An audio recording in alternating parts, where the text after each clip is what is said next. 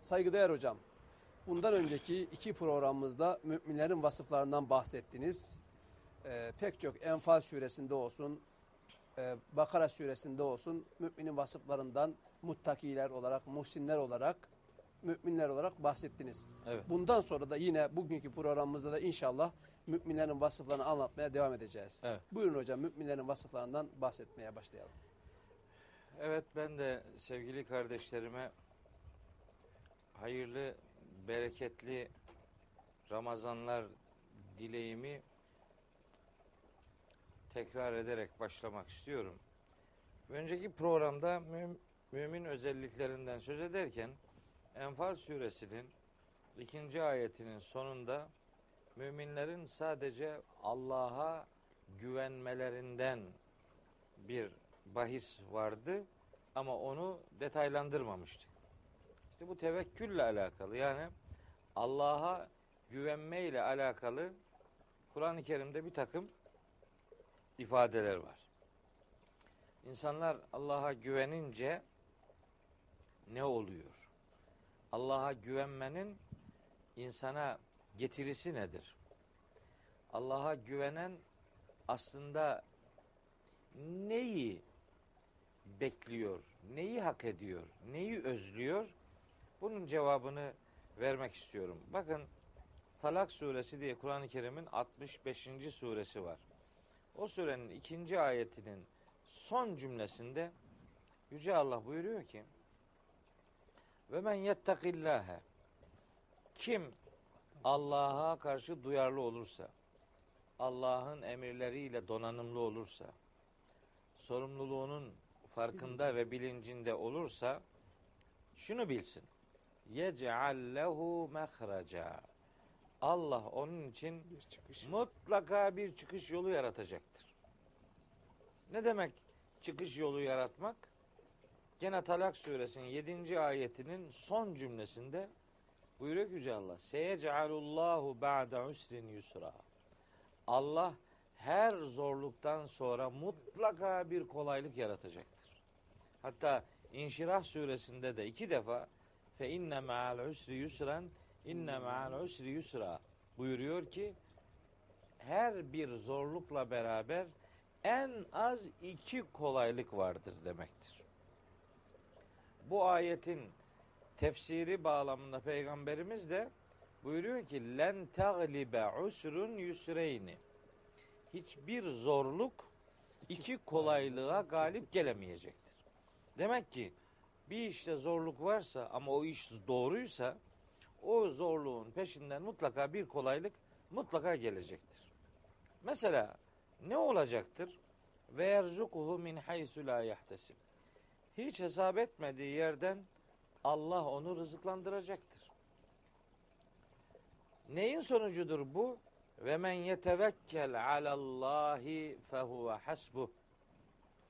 Kim Allah'a güvenirse Allah ona yeter. Allah var. Allah hayata müdahil. Allah insanların her anı ile ilgili.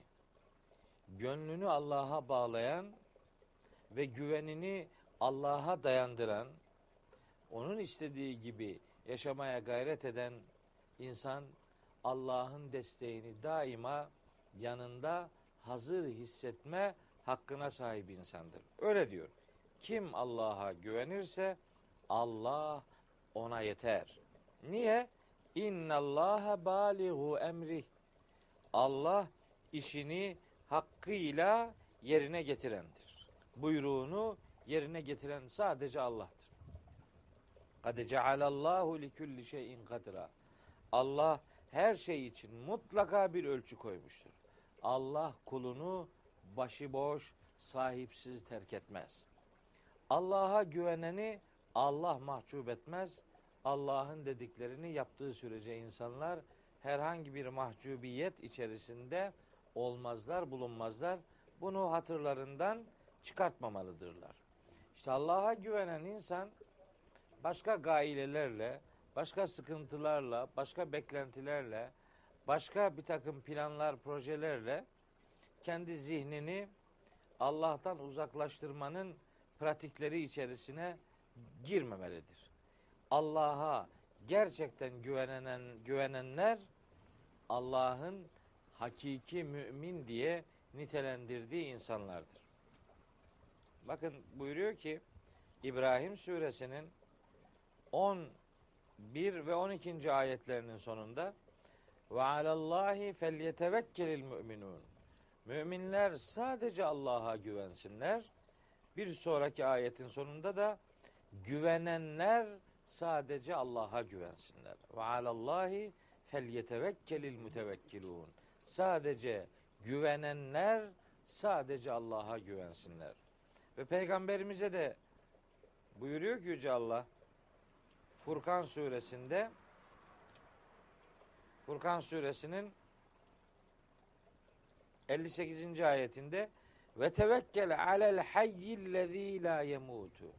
Hiç ölmeyecek, daima hayatta sağ olan, diri olan Allah'a güven. Allah'a güvenmek mümin olmanın olmazsa olmazlarındandır. Bu itibarla tevekkülün bir ilahi emir olduğunu bu vesileyle sevgili kardeşlerimize hatırlatmış olalım. Şimdi devam ediyorum. Mümin olmanın başka özellikleri nelerdir? Secde suresinin 15. ve 16. ayetleri bu konuda son derece çarpıcı mesajlar içerir. Tam da Ramazan'ın aslında ruhunu kavramamızı da sağlayacak ama bu davranışı Ramazan'la sınırlı tutmayıp hayatın her dönemine yaygınlaştırmamızı isteyen önemli bir kilometre taşı niteliğinde bir nit- e, özellik. Bakın buyuruyor ki Yüce Allah innema yu'minu bi ayatina bizim ayetlerimize gerçekten sadece şunlar inanırlar. Yani ben inanıyorum demeyle olmuyormuş demek ki. Gereği ge- bakalım ne oluyormuş? Kimmiş bunlar? Ellezine izâ zükkiru biha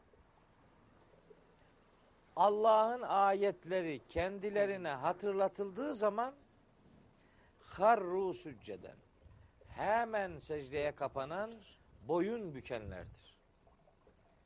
Bir ayetin emriyle, muhtevasıyla buluşup da onun onun huzurunda, Allah'ın huzurunda secdeye kapanmak ya da ayetin hükmüne boyun eğebilmek için o ayeti anlamak gerekir.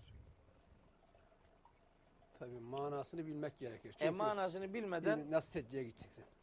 ne istendiğini bilmeden belki de ayet ayağa kalk diyordur. O da adam yatacaktır. Evet. Yani ne dediğini anlamayınca ne yapacağını da kavrayamaz bir insan. Şimdi bakın burada başka bir konu. Allah'ın ayetleri hatırlatıldığı zaman hemen secdeye kapanan, boyun büken insanlardır. Başka? Ve sebbehu bihamdi rabbihim. Rablerini hamd ederek tesbih edenlerdir. Yani bütün övgüleri Allah'a nispet edip Allah'ı her türlü eksikliklerden uzak tutanlardır. Tesbih Allah'ı eksikliklerden uzak tutmaktır. Takdis Allah'ı kemal sıfatlarla Övmek. muttasıf olarak övmektir. O sıfatların sahibi olduğunu ilan etmektir. Demek ki Allah'ın ayetleri hatırlatıldığı zaman boyun bükenler, gereğini yerine getirenler, o ayetlerin sahibi olan Allah'a övgülerle tesbih edenler, üç ve hum la yestekbirun ayetlere karşı kibir göstermeyenlerdir. Ayetlere karşı kibir göstermek ne demektir? Bu ayet aslında anlamlı değildir. Bu beni ilgilendirmiyordur. Bu filancayı ilgilendiriyordur. Bu zaten doğru dürüst kavranılmaz. O değildir, bu değildir gibi ayetlere karşı böyle yani tehditkar bir üslup içerisine girip emredileni yapmamak kendini yeterli görme hastalığı ortaya koymayanlardır. Allah'ın ayetlerine gerçekten inananlar bunlar. Başka bitmedi. Şimdi 16. ayette Ramazan gecelerini de içine alacak güzel bir uygulamaya gönderme yapıyor Yüce Allah. Buyuruyor ki tetecafa cunubuhum anil madaci'i onlar yanlarını, sırtlarını yataklarından, döşeklerinden ayıranlardır. Sırtlarını, yanlarını döşeklerinden ayıranlar demek uykuyu bölenlerdir.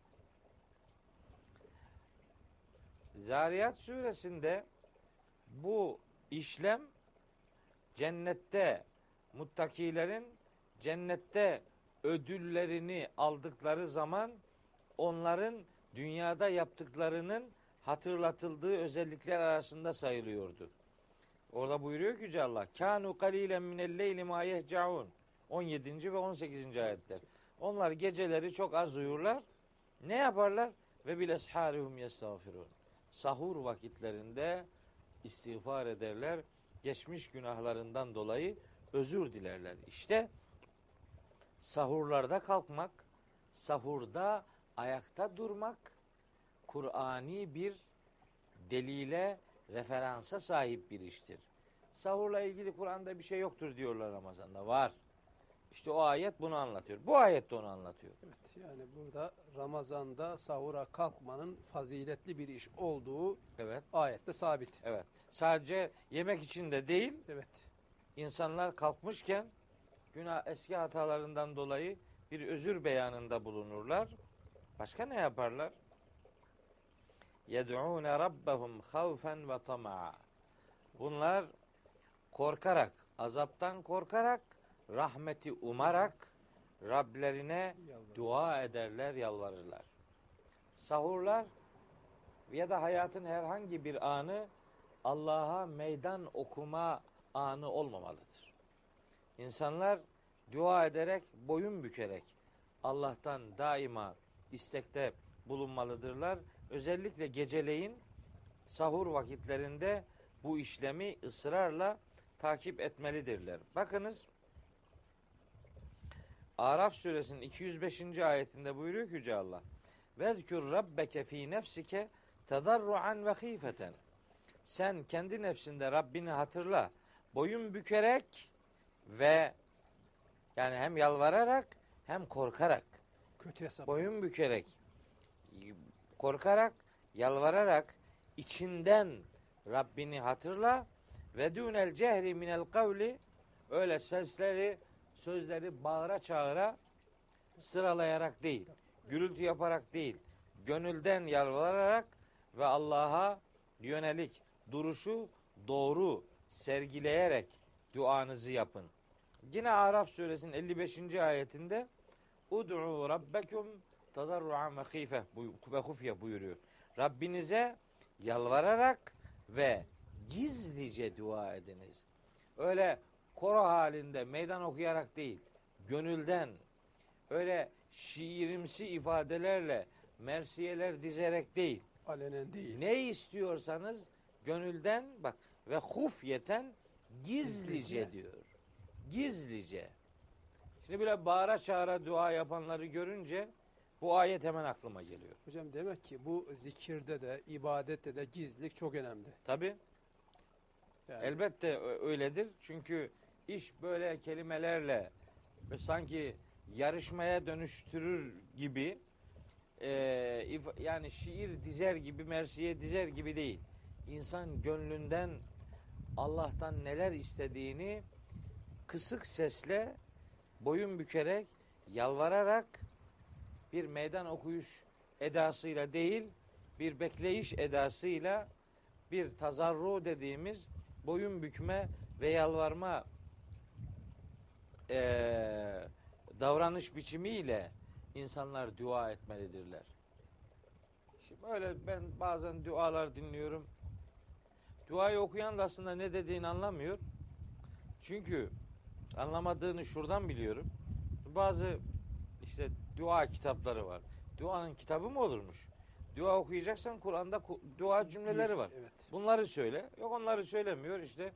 Başlıyor dağıtım memuru gibi dağıtmaya o yana bu yana filan. Ondan sonra mesela o duayı diyelim ki 100 sene önce biri yazmış. Osmanlıca yazmış. Onu aynen okuyor. Diyor ki bu dini mübin İslam'ın 1300 seneden beri gelmesine vesile olan filancaların ruhu şad olsun diyor. Halbuki 1300 değil 1430 sene oldu. Dua 100 sene önce yazılmıştı. O arada bir 100 seneyi yok ediyor. Hangi 100 sene olduğu belli değil. Anlamıyor. Duayı anlamıyor.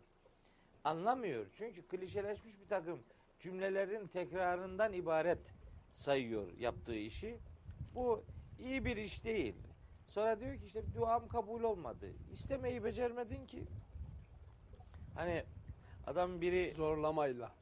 Adam biri yağmur duasına çıkılacakmış.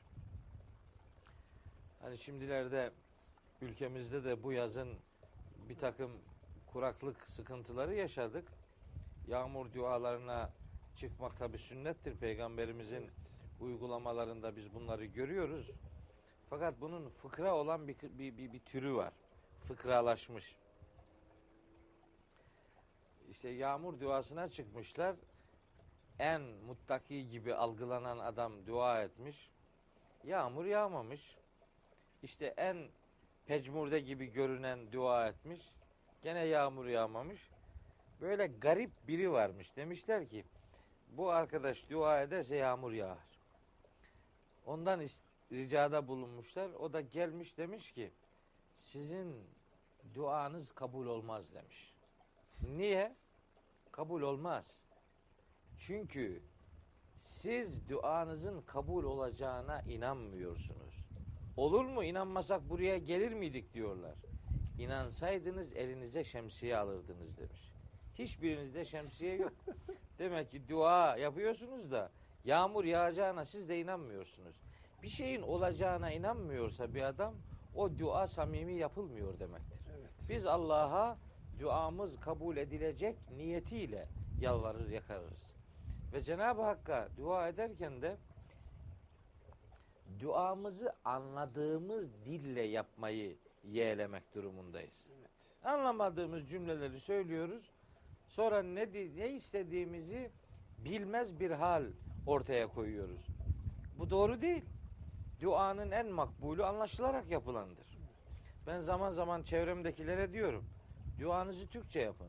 Korkmayın. Allah Türkçe anlar. Cenab-ı Hakk'ın anlamadığı dil olmaz. Hani namazı kılarken Türkçe okuyun falan demiyorum. Namazı peygamberimiz nasıl kıldıysa biz öyle kılacağız. Namazın kıraati nasıl idiyse o öyle olacak. Ayet biri dua hocam tabi dua olarak. Namazda ayet okuyoruz genelde. Dua sadece belli He, bir. yani namazın içiyle ilgili değil bu dediklerim. Namazda da okunanların anlamını düşünerek okumak namazdan zevk almayı, ne yaptığını kavramayı sağlar. Ama namazdan sonra insan dua ediyorsa illa Arapça dua etmesine gerek yok. İçinden ne geçiriyorsa, neyin en çok olmasını istiyorsa onu kendi anladığı diliyle yaparsa daha doğru bir iş yapmış olur diye Hocam buradan hatırlatmış olalım. antiparantez bir şey diyeceğim. Dua dedik de Evet. özellikle toplu yapılan dualarda da benim de çok dikkatimi çekmiştir. Evet. Şimdi duayı yapan görevli Elhamdülillah Rabbil Alemin Errahmanirrahim diyor. Tekrar sonra bilerek veya bilmeyerek, bilerek olacağını düşünmüyorum. Bilmeyerek tekrar aynı metnin Türkçesini de veriyor. Halbuki duada önemli olan içten, gönülden ve arzu edilen şeyleri söylemek. Tekrar etmek bilmiyorum ne kadar şey. Onun yerine daha başka başka talepler makul, Cenab-ı Hakk'ın katında uygun görülecek talepler daha uygun olur diye düşünüyorum. Arapçanın yanına bir de tekrar aynı Arapçanın Türkçesini de yapmanın zaman zamanı kullanmış oluyor adam. Yani daha uzun dua ediyor desinler diye yapıyorsa yazık. Duanın uzun olanı değil, gönülden yapılanı makbul. yani şöyle bir anlayış var sanki. Arapça olursa daha makbul olacakmış gibi. o tabii o büyük bir derttir o iş. Şimdi güya peygamberimiz buyurmuş ki güya hiç öyle dediğine hiç ihtimal vermiyorum. Benim peygamberim şu kitabı tebliğ eden peygamber öyle bir şey demez. Güya demiş ki güya işte Arapçayı üç nedenden dolayı sevin. Güya. Bir, ben Arap olduğum için Arapçayı sevin. İki, Kur'an Arapça olduğu için Arapçayı sevin. Üç, cennette Arapça konuşulacağı için Arapçayı sevin. Bir insan Arap olduğu için, sırf Arap olduğu için niye sevilir? İmanı yoksa veyahut Niye sevilir? Hani bu ırkçılığa karşıydı bu kitap? Sonra bu kitap Arapça olduğu için Arapçayı niye sevecekmişiz? Arapça mukaddes bir dil filan değildir. Evet, Kur'an dilidir ona saygı. Niye değildir? E, cevabı var İbrahim suresinin dördüncü ayetinde. Eğer Arapça mukaddes bir dil olsaydı bütün ilahi kitaplar Arapça olurdu. Tevrat'ın Aramice, İncil'in İbranca olduğunu biliyoruz. Evet. Zaten diyor İbrahim suresi 4. ayette ve ma arselna min rasulin illa bilisani kavmihi liyubeyyine lehum. Biz gönderdiğimiz her elçiyi kendi kavminin diliyle gönderdik ki onlara açıklamalarda bulunsun. Evet. Bu kadar basit. Yani dilleri yaraştırmanın bir anlamı yok ki. Peygamberimiz böyle bir şey söylemiş olamaz. Çünkü dillerin farklılığının Allah'ın kudretinin delillerinden biri olduğunu en iyi o bilir. Rum suresinin işte 22. ayeti ve min ayatihi halqus semavati vel ardı gökleri ve yeri yaratmak Allah'ın ayetlerindendir. Ve ihtilafu elsinetikum ve elvanikum Renkleri- dillerinizin ve renklerinizin değişik olması da Allah'ın kudretinin işaretlerindendir. Dilleri yarıştırmanın bir anlamı yok.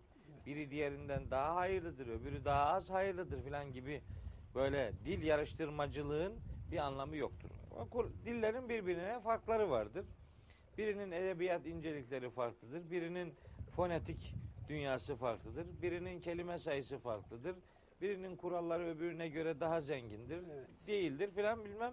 Şu bu ama bu Allah katında bir dili birini diğerinden daha hayırlı göstermenin çok da doğru Tutarlılığı bir yoktur. tarafı yok. Cennette Arapça konuşulacaktır. Adamın dert alıyor başına. Ben diyor cennete gideceğim. Gidersem bilmiyorum. Arapça bilmiyorum ne yapacağım? Yani adamı böyle Gitti sıkıntıya Arapça düşmenin bir anlamı yok.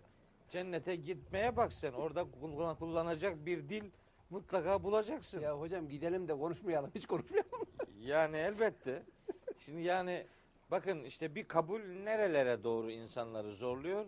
Bunun çok da bir anlamı yok. Evet sevgili e, seyirci kardeşlerim bu programda müminlerin özelliklerinden söz ediyoruz. Secde suresinin 15 ve 16. ayetlerini anlatırken özellikle 16. ayetteki duanın azaptan korkarak, rahmeti umarak ve Araf suresinin 55 ve 205. ayetlerini de e, okuduğumuz haliyle korkarak, yalvararak, gizlice, bağırarak, çağırarak değil, gönülden yapılması lazım geldiğini, bunu yaparken insanların söylediklerini anlayarak yapmalarının onlardan beklendiğini ve bütün bunların mümin olmanın önemli özelliklerinden birer parça oluşturduğunu ifadeye gayret ettim. Şimdi ise mümin tanımlamalarının belki en derli toplu adeta maddeler halinde sıralandığı bir başka ayet grubunu hatırlatmak istiyorum ki bu ayet grubu sureye de ilk ayetindeki müminun kelimesiyle adını verdirmiştir. Müminun suresi Kur'an-ı Kerim'in 23. suresidir ve bu surenin ilk 11 ayeti mümin özelliklerinden söz eder. Bu mümin özelliklerini çok detaya girmeden sıralamak istiyorum. Hani bu programda hiç olmazsa bu bölümde okuyacağım e, mümin özellikleri yetişsin diye. Şöyle buyuruyor Yüce Allah. Estağfirullah. Kad eflehal müminun. Şu müminler mutlaka kurtuluşa ermiş olacaklardır. Hangi müminler? Bunu sayıyor. Sadece mümin olmayla iş bitse Uygulaması var. o zaman inandık demeyle kurtulmuşluk söz konusu olacaktı. Halbuki öyle olmuyor. Bir takım imanın davranışa yansıyan boyutlarına dikkat çekiyor Allahu Teala. Buyuruyor ki bir buyuruyor ki ellezinehum fi salatihim haşiun. Birinci özellik namazlarında huşu içinde olmak. E namazlarında huşu içinde olmak, huşu saygılı olmak demek. Yani gönülden hissederek namaz kılmak demektir. Hakkını vererek yapmak. Huşu içinde namaza durmak, namazı niye kıldığını bilmek, kimin huzurunda namaz kıldığını bilmek, namazla aslında ne yapmak istediğini bilmek ve bir sonraki namaza kadar aslında hangi sözleri verdiğinin bilincinde bulunarak namaz kılmak demektir. Namazda huşu kalbinin derinliklerinde Allah'ı hissederek namazı kılmak demektir. Kurtuluşa erecekler namazlarında huşu içinde olanlardır. Böyle başlıyor. Bu var mı bizde? Şimdi bu akşam akşam namazını kılarken e, hepimizin düşündüğü bilmiyorum yediğimiz iftar yemeğinin menüsünü beğenip beğenmemeyle ilgili miydi?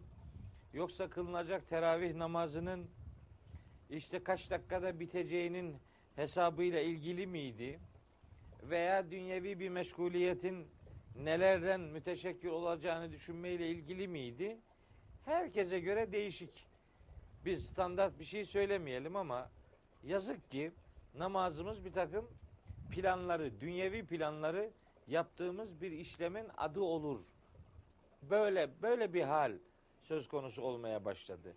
Oysa namaz Allah'ı hatırlamanın bir vesilesidir ve Allah'ın huzurunda boyun bükmenin ve Cenab-ı Hakk'a her an günde beş defa standart olmak üzere onun huzurunda bir duruş ortaya koymanın ve ona söz verişle onun huzurunda bir itirafı gerçekleştirmenin bir duruş kararlılığını ortaya koymanın adıdır. Namazı öyle görmek lazım.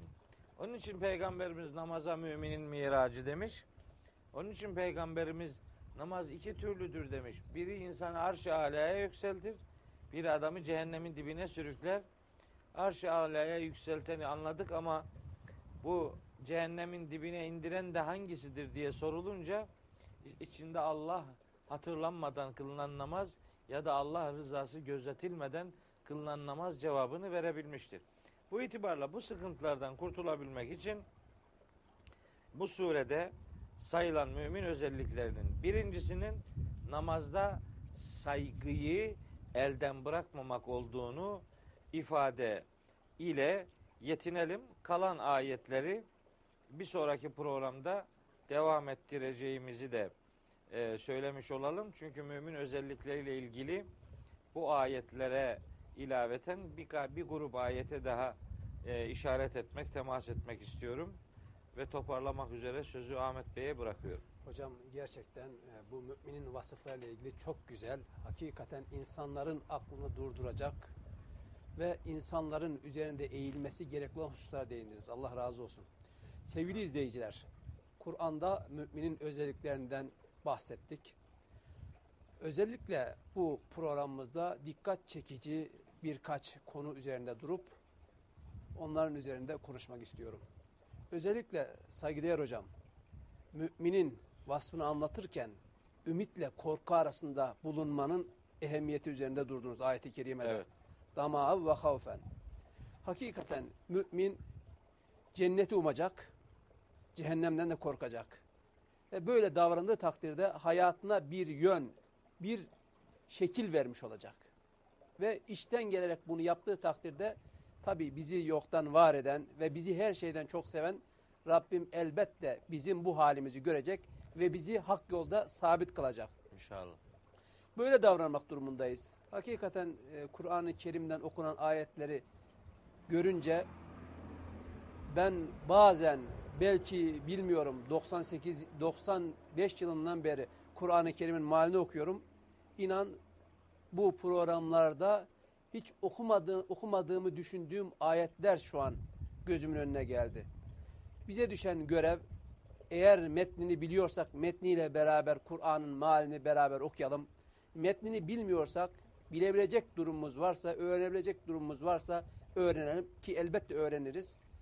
Ama hakikaten öğreneceğimiz konusunda tam yakin, kesin bir kanaatimiz yoksa malini okuyalım ki yarın mahşeri kübrada Cenab-ı Hakk'ın huzurunda mutlu olan kullar arasında olalım.